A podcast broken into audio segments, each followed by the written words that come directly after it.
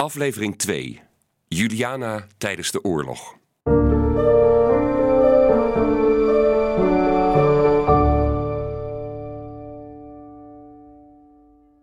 I fervently hope that you will all continue to lend your help to the hundreds of thousands who lost everything in the Netherlands for the invasion of my country by the Nazis.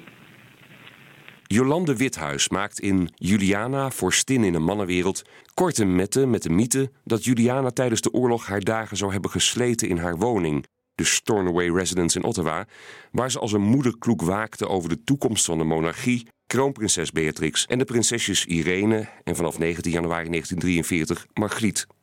Zo nu en dan kwam prins Bernard op bezoek, even uitrusten van zijn hectische beslommeringen in Londen. Voor een deel hebben de Oranjes die mythe zelf geschapen. Op 27 juni 1941 zei Bernard in een interview voor Paramount: I'm very glad to be here for a few days with my family, my children, see them again how they grew up. And uh, I am very sorry to say that in a few days after my birthday, which I'm glad to be able to spend here, I'll have to go back to my work in England. Maar ook na de oorlog bleef het beeld hardnekkig bestaan. Met name Lou de Jong heeft de rol van Juliana in De Bezetting en het negende deel van het Koninkrijk der Nederlanden in de Tweede Wereldoorlog behoorlijk gebagitaliseerd. Terwijl Wilhelmina via Radio Oranje de burger moed insprak en Bernard als hoogste militair en RAF-piloot de bevrijding van het vaderland op zich nam, bracht Juliana albreiend de oorlog in Canada door.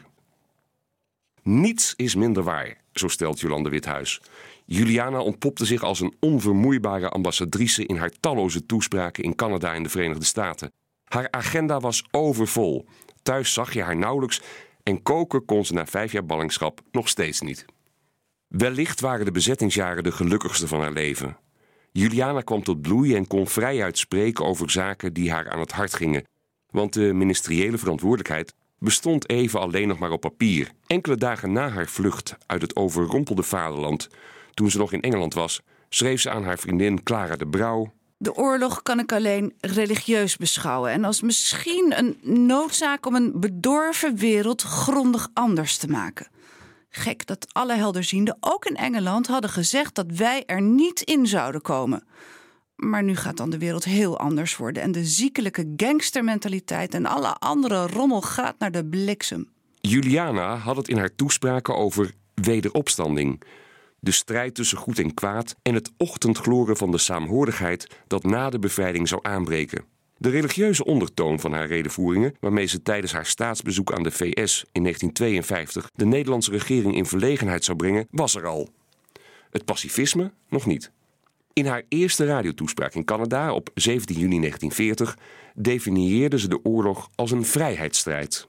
Mijn landgenoten hebben altijd hun eigen levens geleid. Ze hebben altijd het recht verdedigd van het individu op zijn eigen vrijheid, op de vrijheid van zijn persoon en de vrijheid van zijn geest. Wanneer in andere delen van de wereld anderen die rechten werden ontzegd, heten zij hen welkom en namen zij hen op in hun harten en in hun huizen.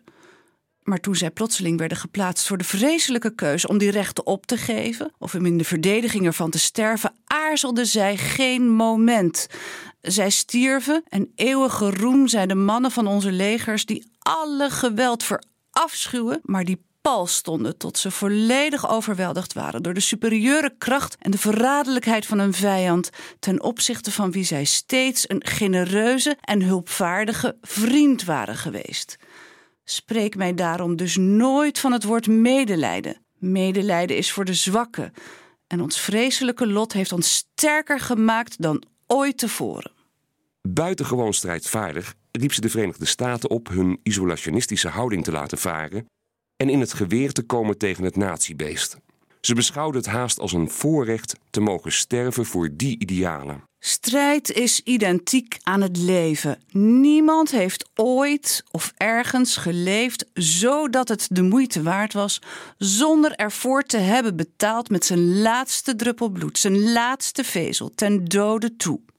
Gij, volk van de Verenigde Staten, hebt de magistrale opvatting, het stoffelijke en geestelijke arsenaal der democratie te willen zijn om de hoogste waarde der wereld te redden voor de vernietiging. Tijdens haar bezoek aan het Witte Huis leerde ze Eleanor Roosevelt kennen. De First Lady keek in eerste instantie bepaald niet uit naar de theevisites van de Oranjes.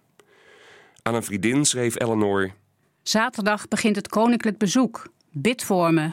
Toch ontstond er een vertrouwensband tussen Juliana en Eleanor Roosevelt. Juliana bewonderde haar zelfstandigheid en dédain voor decorum. Roosevelt was als feministe een inspirerend voorbeeld voor haar. Het is een heerlijke gedachte dat er mensen bestaan zoals u. Dat het mogelijk is te zijn zoals u. Juliana wilde haar onafhankelijkheid na de bevrijding niet zonder slag of stoot opgeven.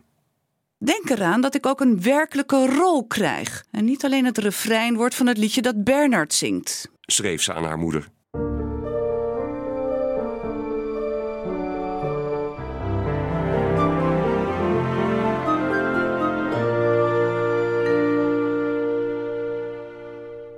Escorted by American and Dutch bombers, Princess Juliana of the Netherlands flies to inspect Dutch Guiana. The princess is the first member of the royal family to visit the Dutch colony in the New World.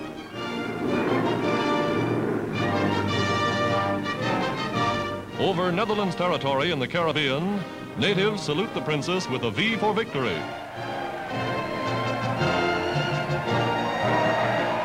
Riding by automobile to Paramaribo, capital of Dutch Guiana, the princess receives an enthusiastic reception. Terwijl de monarchie er zich een eeuw lang niet had laten zien, besloot Juliana in 1943 naar Suriname en de Antillen te reizen. Wilhelmina was vanwege de tropische ziektes als de dood voor dat bezoek. Juliana liet zich door niets en niemand weerhouden het vrije Nederland te bezoeken. Ze trof er een multiculturele samenleving aan, waarin de verschillende bevolkingsgroepen schijnbaar moeiteloos leken te coexisteren. Hier zien we een voorbeeld zoals het na deze vreselijke tijd over de hele wereld behoort te zijn.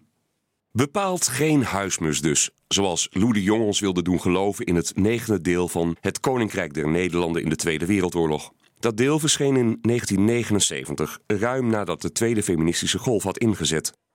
Maar Nederland was nog gezellig. We hadden een majesteit op de fiets en vierden haar verjaardag op het bordes van Paleis Soesdijk met koekhappen en zaklopen. Zo gewoon kon een koningin zijn.